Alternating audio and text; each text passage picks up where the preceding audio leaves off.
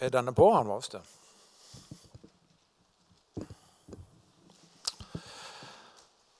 God søndag til dere alle. Og eh, takk for at dere vil eh, Takk for invitasjonen til å komme hit. Det setter jeg stor pris på. Um, jeg må fortelle Det er sikkert noen av dere som har hørt det før, kanskje, men eh, for mange mange år siden, det må vel være kanskje 40, så ble Magne Birkedal han ble invitert til å ha åpningstalen på et kretsmøte i Misjonssambandet. Og Da sa han noe slik som dette at eh, hvis dere tror at jeg har grenet meg til å stå her, så må dere tro om igjen. Og, og jeg vil si det samme, men det har seg jo slik at eh, jeg har en sambygding som eh, er forsamlingsleder her i Salem, og da snakker vi om litt forskjellig. Så det, det var kjekt å få møte dere. Og takk for det som vi har fått hørt allerede. Det var oppbyggelig. La oss fortsette å be. Kjære far, takk for at du har samla oss til møte. Takk for ordet ditt. Takk for sangen. Takk for at du døde, men du sto opp, som ble minnet om. Jeg ber om at dette må bli levende og nytt for oss alle gjennom denne påskehelga. At det må bli dogfriskt. At det er noe som på en måte hører for første gang, Herre.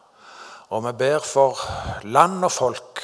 Ber om at mange flere må få et levende møte med deg gjennom denne påskehelga. Ber for misjonens store sak. Må du velsigne alle steder der ordet ditt blir formidla. Uansett hva medier de bruker, og hva metoder som blir brukt, Herre. Men at ordet ditt kan få lye rent og sant og klart til omvendelse, vekkelse, fornyelse og gjenfødelse. Jeg ber meg om i Jesu navn. Amen. Ja, vi får uh, Vi har hørt disse fine lesetekstene som vi uh, kjenner de som. Og så skal vi ta med oss dagens tekst nå. Den står i Johannes kapittel 12 fra vers 12 til 24. I Jesu navn. Dagen etter, det var dagen etter at Maria hadde salva Jesus i Betania fikk den store folkemengde som var kommet til høgtida, høre at Jesus var på vei til Jerusalem. Da tok de palmegreiner og gikk ut for å møte han, og de ropa, Hosianna, velsigna være Han som kjem i Herrens navn, Israels konge. Men Jesus fant et ungt esel og sette seg på det, slik det står skrevet. Ottast ikke, Sions dotter. Sjå, kongen din kjem, sittende på en eselfole. Dette skjønna ikke læresveinene hans med det samme, men da Jesus var herliggjort, kom det i hug at dette var skrevet om han, og at de hadde gjort dette for han. Folkemengda som hadde vært med han da han kalte Lasarus ut av grava og vekte han opp fra de døde, vitna om det. Dette var òg grunnen til at folket gikk til møtes med han fordi de hadde hørt at han hadde gjort dette tegnet. Fariserene sa da seg imellom, det ser at det ikke oppnår noe. Sjå, hele verden flyr etter han. Mellom de som bruker å dra opp for å tilbe i høgtida, var det noen grekere. De kom til Philip, som var fra Betzaida i Galilea, og ba han og sa, Herre, vi vil gjerne se Jesus. Philip kommer og sier det til Andreas. Andreas og Philip går og sier det til Jesus. Men Jesus svarer dem og sier, 'Timen er kommet, da menneskesonen skal herliggjøres.' Sannelig, sannelig, sier jeg dukk. Dersom ikke kveitekornet faller i jorda og dør, blir det bare det ene kornet. Men om det dør, bærer det mye frukt.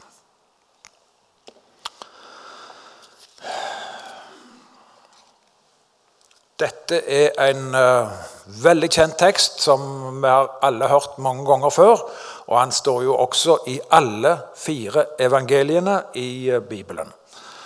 Litt ulike vinkler er det på dem, men i hovedsak så er de veldig like. Men det er litt, litt detaljer som en får høre i noen eh, noen sammenhenger som er litt, eh, litt ulikt. Men det er kong Jesus som er i sentrum. Og det er det sentrale. Så står det her i vår tekst at de tok palmegreiner for å hylle ham. Og Det er kun Johannes som har med akkurat dette med palmegreiner. og Det er derfor vi kaller det for palmesøndag. Og um, det er eh, var ikke helt vanlig tror jeg, at de brukte det i forbindelse med, med denne høytida. Men derimot i forbindelse med lauvhyttefesten som jødene feira på høsten, da var palmegreiner veldig vanlig. Og er det fremdeles. Jeg har vært i Jerusalem noen ganger og i forbindelse med løvetefesten bl.a. Og da selger de palmegreiner i byen akkurat som de her selger juletre rett før jul. Omtrent lignende.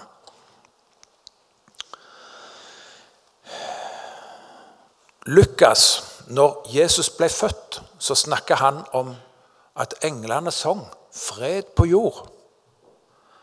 Og Den samme Lukas han sier i, når han snakker om akkurat denne teksten, så sier han for at folket roper 'fred i himmelen'. Så altså Når Jesus ble født, så ropte de 'fred på jord'. Og når han skulle lia, rett før han skulle lie dø, så ropte de 'fred i himmelen'. Det syns jeg er litt spennende. For all åndelig fred den har sitt utspring i himmelen, hos Gud. Det er ikke noen andre alternativer. Og Så er det fariserene når de dette står i Lukas, det sto ikke i vår tekst, men de ber Jesus om å roe ned disiplene. De må ikke gape sånn. Og, og disse andre rundt. Og da er det Jesus kommer med disse klassiske, udøyende ordene. Om disse tider så skal steinene rope. Det er og Så kommer jo Jesus samtidig litt nærmere inn mot byen. da, Det leser vi om i Lukas, og han sier det i Lukas 19, eh, litt ut i, jeg tror det er vers 42. Om du bare visste, sier han til folket. Hadde du bare visst hva som gagna til din fred, men nå er det skjult for øynene dine. Og det må jeg si, Akkurat det der har tont for meg så mange ganger når jeg møter folk som er totalt fremmede for det som har med Gud og Jesus og kristendom å gjøre. Hadde du bare visst. Men her sier de jo samtidig folk som kjente Skriften og visste hva, hva det sto. Og så hørte vi så flott som ble lest her fra Efeserne 2,14. Han er vår fred. Det er Jesus som er freden. Han er brua mellom himmel og jord. Og Leser vi det i en hebraisk bibel, eller i en, ja, så, så finner en at der har de benytta ordet shalom. Han er vår shalom vår fred. Og Ordet shalom det kjenner dere sikkert til, men det betyr veldig mye mer enn bare fravær av krig eller, eller ro. eller noe sånt. Det betyr bl.a. trygghet, hvile, framgang, helhet, velferd, fullending, fylde, sannhet, velvære. Det er ganske omfattende. Så det er fint å bli helsa med shalom, for da, da, da er det, eh, det er mye som er med i den helsinga.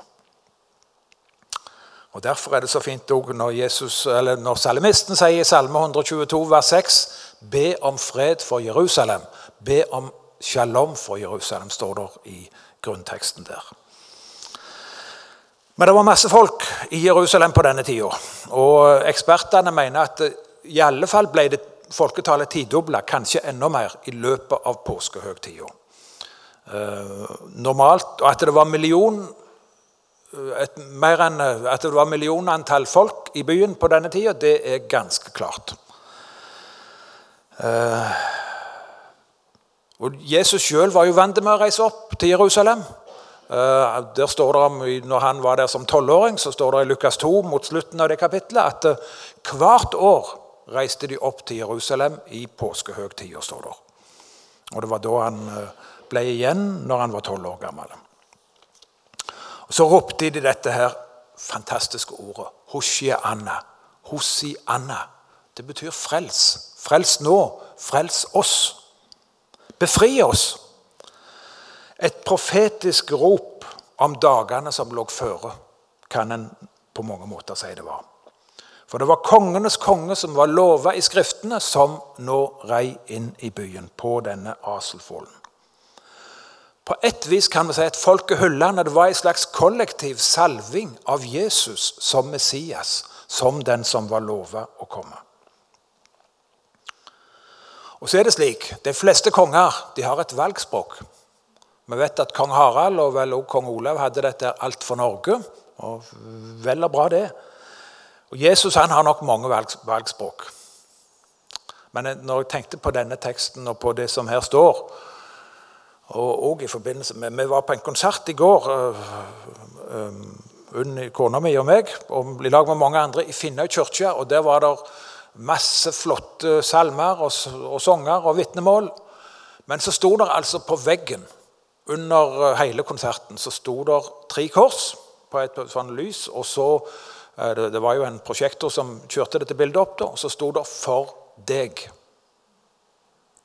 Og Det syns jeg er fint. Så kanskje et av Jesu valgspråk helt sikkert var 'alt for deg, alt for meg'. Og Spurgeon Jeg leser jo ei bok eh, som jeg har fortalt ikke her, men i en del andre sammenhenger. Eh, har lest 'Guds lam' av Andreas Fibiger nå. Jeg tror ikke jeg overdriver når jeg den, jeg har lest den 25 ganger. Og Det er ikke for å skryte eller noe som helst sånt, men den boka har gitt meg så mye. Uh, og han uh, kan jeg jo nesten utenat, men det er likevel en enorm velsignelse å få lese den hver faste. Og Han siterer der Spurgeon. Spurgeon sier Kristus døde for meg. Det er nok for meg å dø på. Det er veldig sentralt og sterkt og klokt sagt. Og Mitt ønske for meg sjøl og for dere og for, ja, for mange mange flere, det er at dette Hosianna-ropet også må lye i mitt hjerte og ut av min munn gjennom denne eh, og mange andre sin i løpet av denne påskehelga. Et sterkt Hosianna-rop om rop og nød om vekkelse og synsbekjennelse frelsesfryd, og at det skulle slå ut i tjeneste for Herren, slik som vi hørte så fint om i, hos han Tore her i begynnelsen. Og fokuset, det må være på Jesus. Igjen siterer jeg han, Guds lam. Han forteller om grev Sinsendorf i Tyskland, som, var jo en, som møtte Jesus og ga avkall på alt dette flotte som han egentlig kunne, var arving til. egentlig. Og han sier det slik jeg har bare én lidenskap. Ham. Bare ham. Det tror jeg er en, det er en god lidenskap. Det står i et vers i denne her eh, salmen som synger rett som det Vær frimodig, redde hjerte. Før het han dristig, nå mitt bange hjerte. Men der står det Det er ham, min sjel, du må ene, ene lite på. Ham jeg også fast vil holde inntil hendene er kolde. Der er sentrum.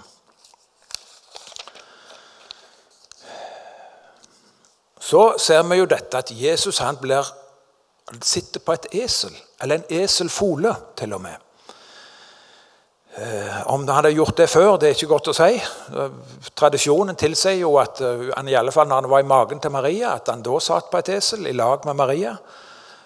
Men Eh, jeg tror nok man kan med full visshet si det var siste gang han satt på en eselfole. For når han kommer igjen og setter føttene sine på Oljeberget, da skal han komme. Da, da er det andre redskaper han har.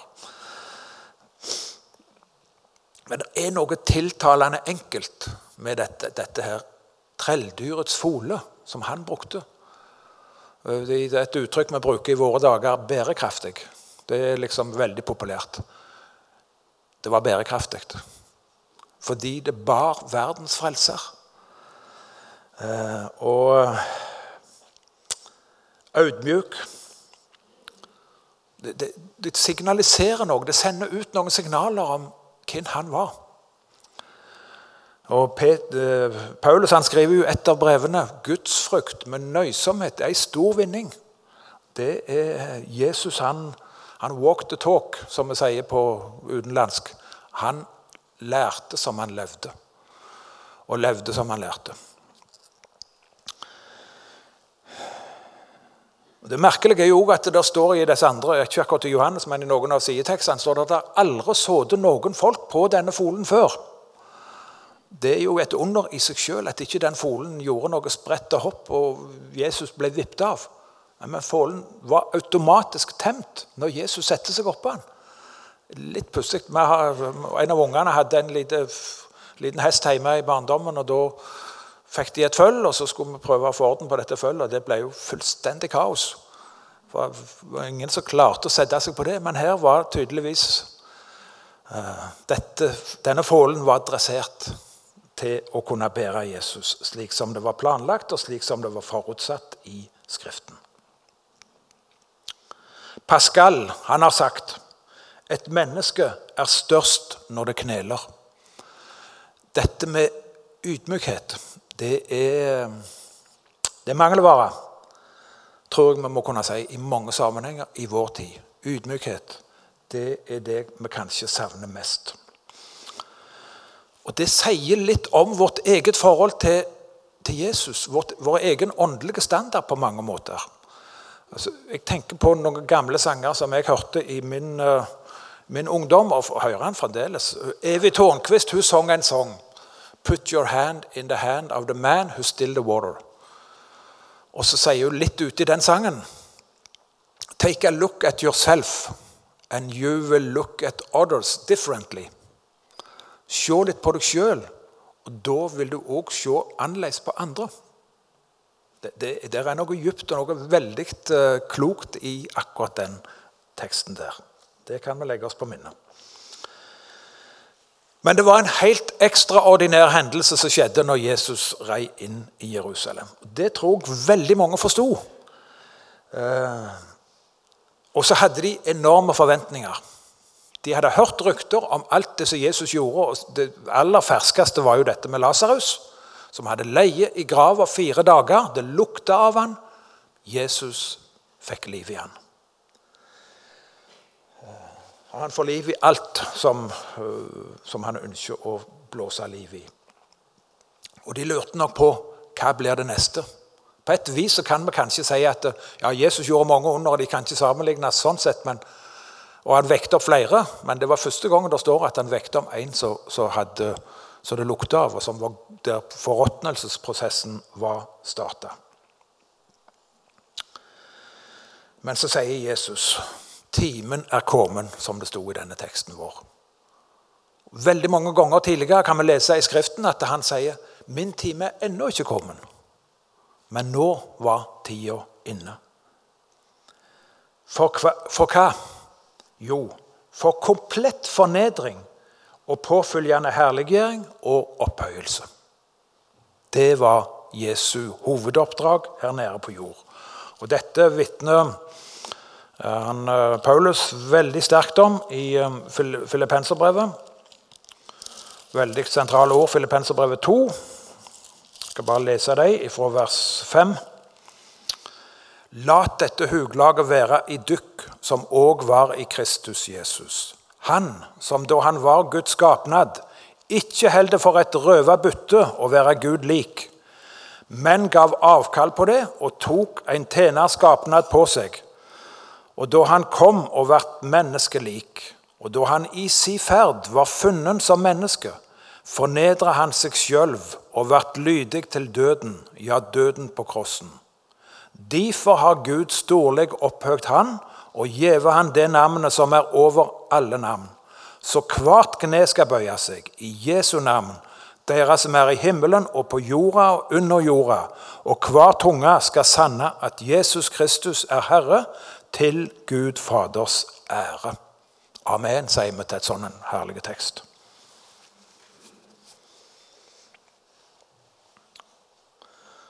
Men det må ha vært en veldig sterk opplevelse å være til stede i Jerusalem denne dagen. Jeg er sikker på at de som var der, de glemte det aldri. Eh, og så lurte de og stilte spørsmålet. Det står i noen av de andre tekstene. Hvem er dette? Noen sier jo det er profeten Jesus fra Nasaret. Israels konge, Messias, han som ble lova. Eh, og det er Bare for å henvise til litt av de løftene der som det står om. Eh, han, Asbjørn Någård han skriver i en av sine bøker han snakker om at det er en del langtidsvarsler i denne boka. Vi er kjent med langtidsvarsel. Det er sånn 700 år eller 1000 år eller noe sånt i dette tilfellet. Men skikkelig langtidsvarsler. Men de går i oppfylling. Og Jesaja han sier i kapittel 40 og vers 9.: Stig opp på et høyt fjell, du Sions, Sion, uh, Sions gledesbåd. La drøysta lye med kraft, du Jerusalems gledesbud. Rop høyt, ottast ikke. Si til byene i Juda, sjå, der er dykka Gud. Med andre ord, vi skal ikke bruke innestemme. Vi skal bruke stemmen fullt ut. Dette er ikke noe som skal stikkes under ei skjeppe. Dette skal luftes opp og proklameres. Jesus er Herre, Jesus er kongen, og han er verdens frelser. Eh, og Det sto for så vidt sitert allerede i teksten, her, men jeg tror gjerne vi skal ta det med oss. Zakaria kapittel 9 og vers 9. Det er jo en av de virkelige Det står henvist i tekst, men vi leser det likevel. Rop med fryd, Sions dotter. Rop høyt, Jerusalems dotter. Sjå, kongen din kjem til deg. Rettferdig er han og full av frelse. Audmjuk er han og rir på et esel, på den unge eselfålen. Sjå. Det står gjentatte ganger i disse tekstene. Og det, Vi trenger å løfte blikket og se på Han som vår frelser og vår Herre. Ser du Han? For han være konge i ditt liv, i mitt liv? Det kan være et godt spørsmål. Så brukte de uttrykket 'Sions datter'. Og Det tror jeg kanskje kan gjerne bety ulike ting, men jeg tror nok det er et, det er et uttrykk for eh, innbyggerne i Jerusalem. For Sion, det var jo Jerusalem. Og var, Dette var lenge før likestillingens tid ble innført, men her har, har her har døtrene fått eh, forrang, og mennene er ikke nevnt, faktisk. Men jeg tror de, tror de var med, de òg. Her er Han som vil frelse hver syndebunden træl. Opp, Sions dotter, helse og møt din konung vel, er det en som har sagt. Saktmodig, full av frelse. Ikke rart at de ropte Hosianna. Herre, frels oss.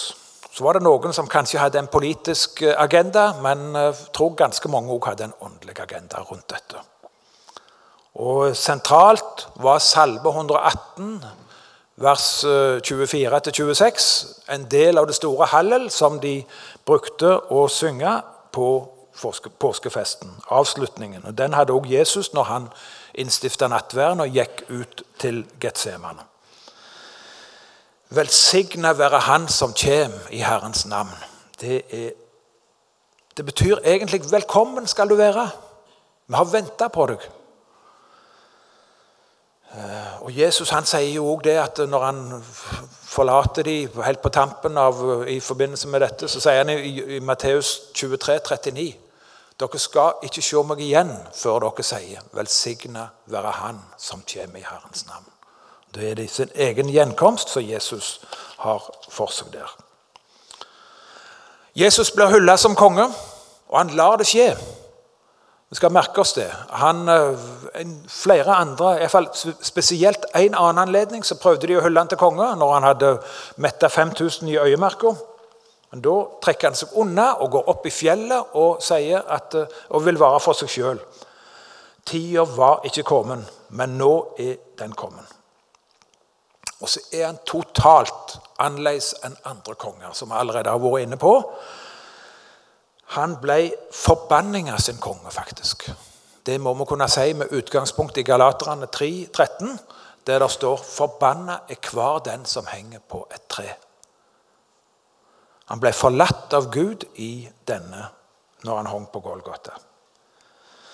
Og Så møter vi jo dette kongeelementet flere ganger. Det har vært nevnt her eh, tidligere i møtet i løpet av påskehøgtida. Eh, Bl.a. Når, eh, når han fikk krona, tårnekrona. Ikke ei kongekrone, men ei tårnekrone. Han fikk en soldatkappe, en kongekappe på seg, leser vi om han, før han gikk til Golgata. Og ikke minst dette merket som Pilatus heng, over korset til Jesus. Innri Jesus fra Nasaret, kongen over jødene. Og Dette skrev han på tre språk. På gresk, på latinsk og på hebraisk. Og Det er en, en sterk betoning av hvor viktig dette var. Det var en global, universell begivenhet som skjedde. Som var til frelse for hele verden så ser vi jo gjennom denne teksten Jesus han virka som en magnet på folk. De kom, og de, ble, de følte seg tiltrukket av han. Og Der kan vi bruke det uttrykket som er veldig populært i våre dager folk flest. Men her var det folk flest som kom og kjente på Hva er dette for noe? Vi vil høre mer, vi vil se mer. Og Jeg tror kanskje motivene var litt ymse. Men eh, det står jo noe i teksten vår her så Disse fariseerne blir nokså fortvila, for de sier jo dette. Det nytter ikke hva vi gjør. Hele verden flyr etter han. Det er jo en skikkelig eh, profetisk eh, ja, hva skal man si, utsagn. Hele verden flyr etter han. Tenk om det hadde blitt slik. Hele Norge fløy, måtte ha med Jesus å gjøre. Det må være ei bønn for oss. Ja Så er spørsmålet hvordan ser vi på Jesus? Det står i en sang her i sangboka ehm, der ehm, Du ser kanskje Jesus som barnet i krybben, og hyrder på marken og vismenn på kne. Med stjerner som stråler og engler som synger, gir stemningsfull glede og budskap om fred. Men har du sett Jesus som lider på korset, som soner for din skyld, som lindrer din nød? Og har du sett Jesus som står opp av graven, gir håp om et nytt liv og seier over død? Vi hadde guttelag hjemme på Fågen her nå i forrige uke. Eh, og Da snakket vi om dette, og så sier vi det at eh, påske det er den viktigste kristne høytida. Og Da er det en av guttene som retter på hånda og sier Nei, men er ikke det jul? Åtte år. Jeg forstår han veldig godt. Det er klart det er stas med jul. Men der fikk vi da, når han tok den vinklingen der, så fikk vi en fin samtale med, med disse her smårollingene. der Hvordan jul og påske henger sammen. Det, det blir ikke ingen grunn til å feire jul hvis vi ikke har en påske som kom, for å si det slik. Og det fikk vi en god samtale med disse småkarene der og da.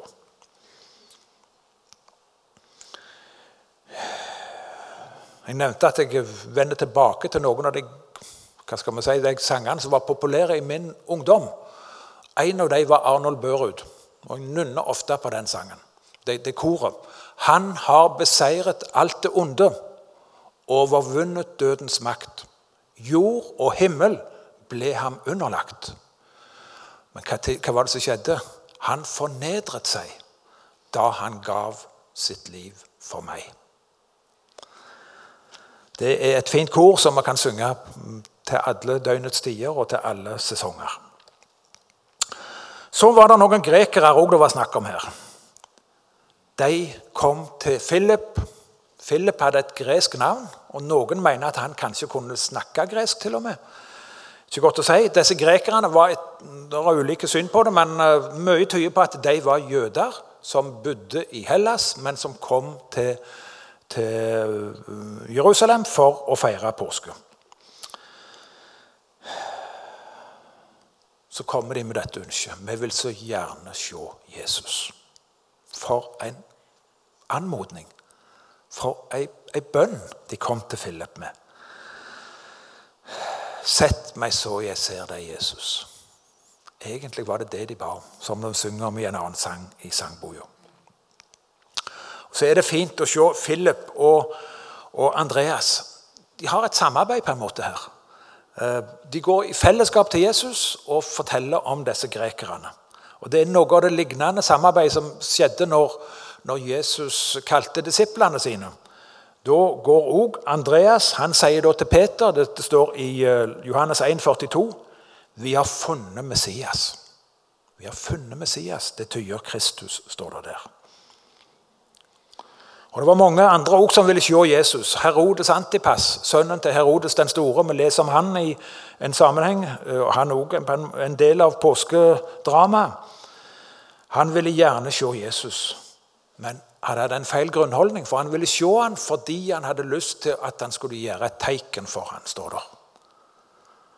Han hadde ingen tillit til Jesus som Guds sønn, som verdens frelser. Men når en har kallet, da er det så viktig at en benytter det. Og Jesaja, som disse, som ble skrevet ca. 700 år før Kristus, han har jo et veldig sterkt ord rundt dette. Jesaja 55, vers 6. Søk Herren medan han er å finne. Kalle på Han den stund han er nær. Det er ikke alltid Herren er å finne.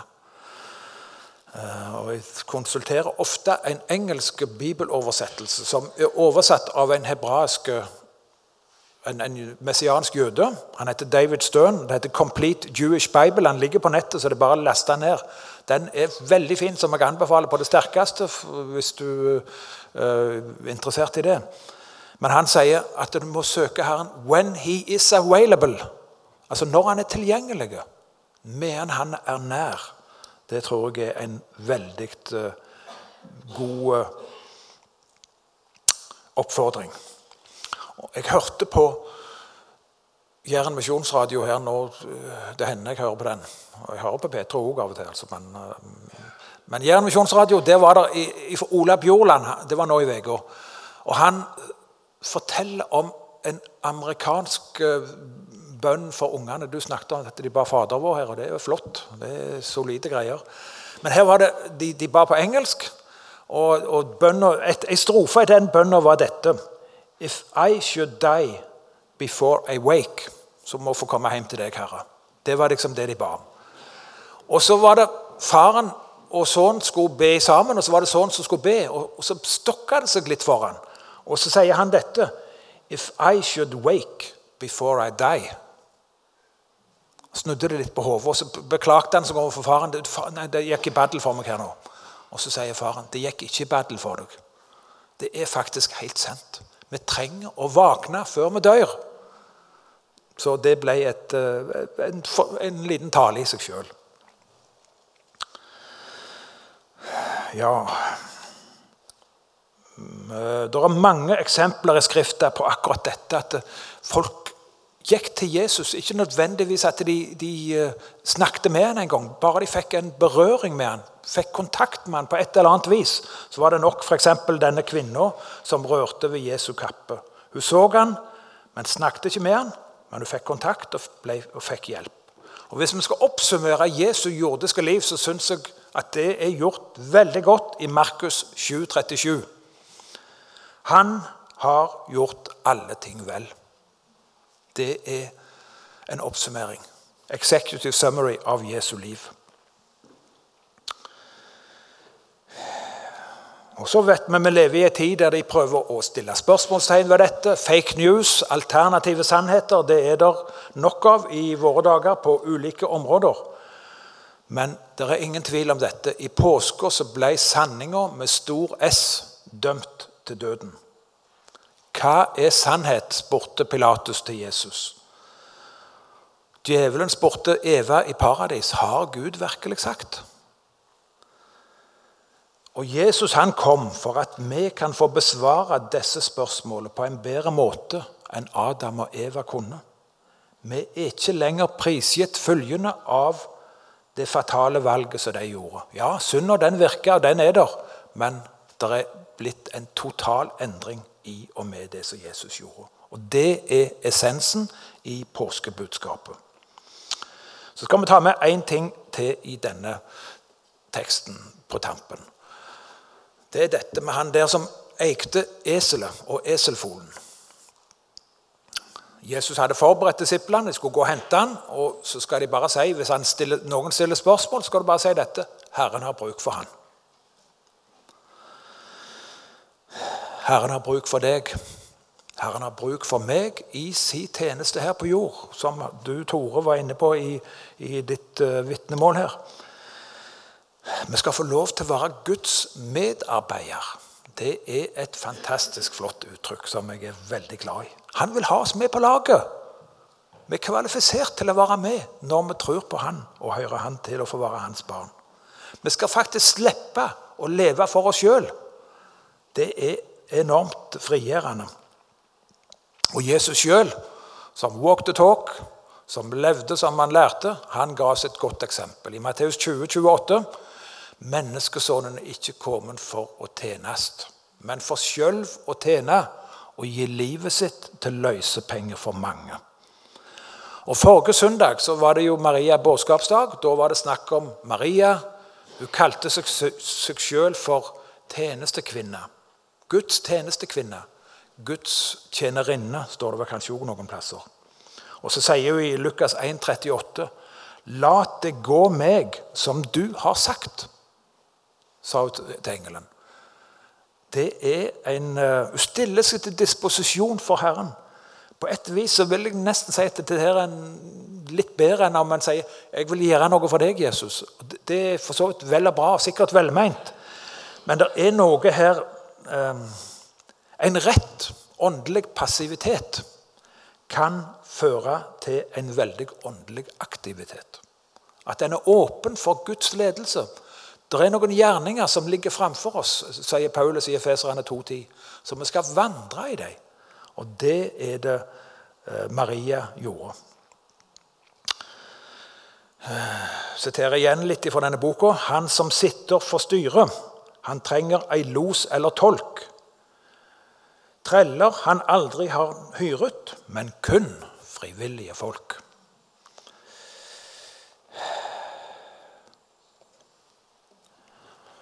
Jeg har vært i Jerusalem noen ganger og vært med og feiret påske også. Og I forbindelse med påske så har jo de et annet fokus, jøder flest. De har veldig fokus på å rydde og få vekk alt som har med med gjær å gjøre. De rensker huset totalt. Det skal ikke finnes gjærdeig eller noe, noe, som har med gjær å gjøre.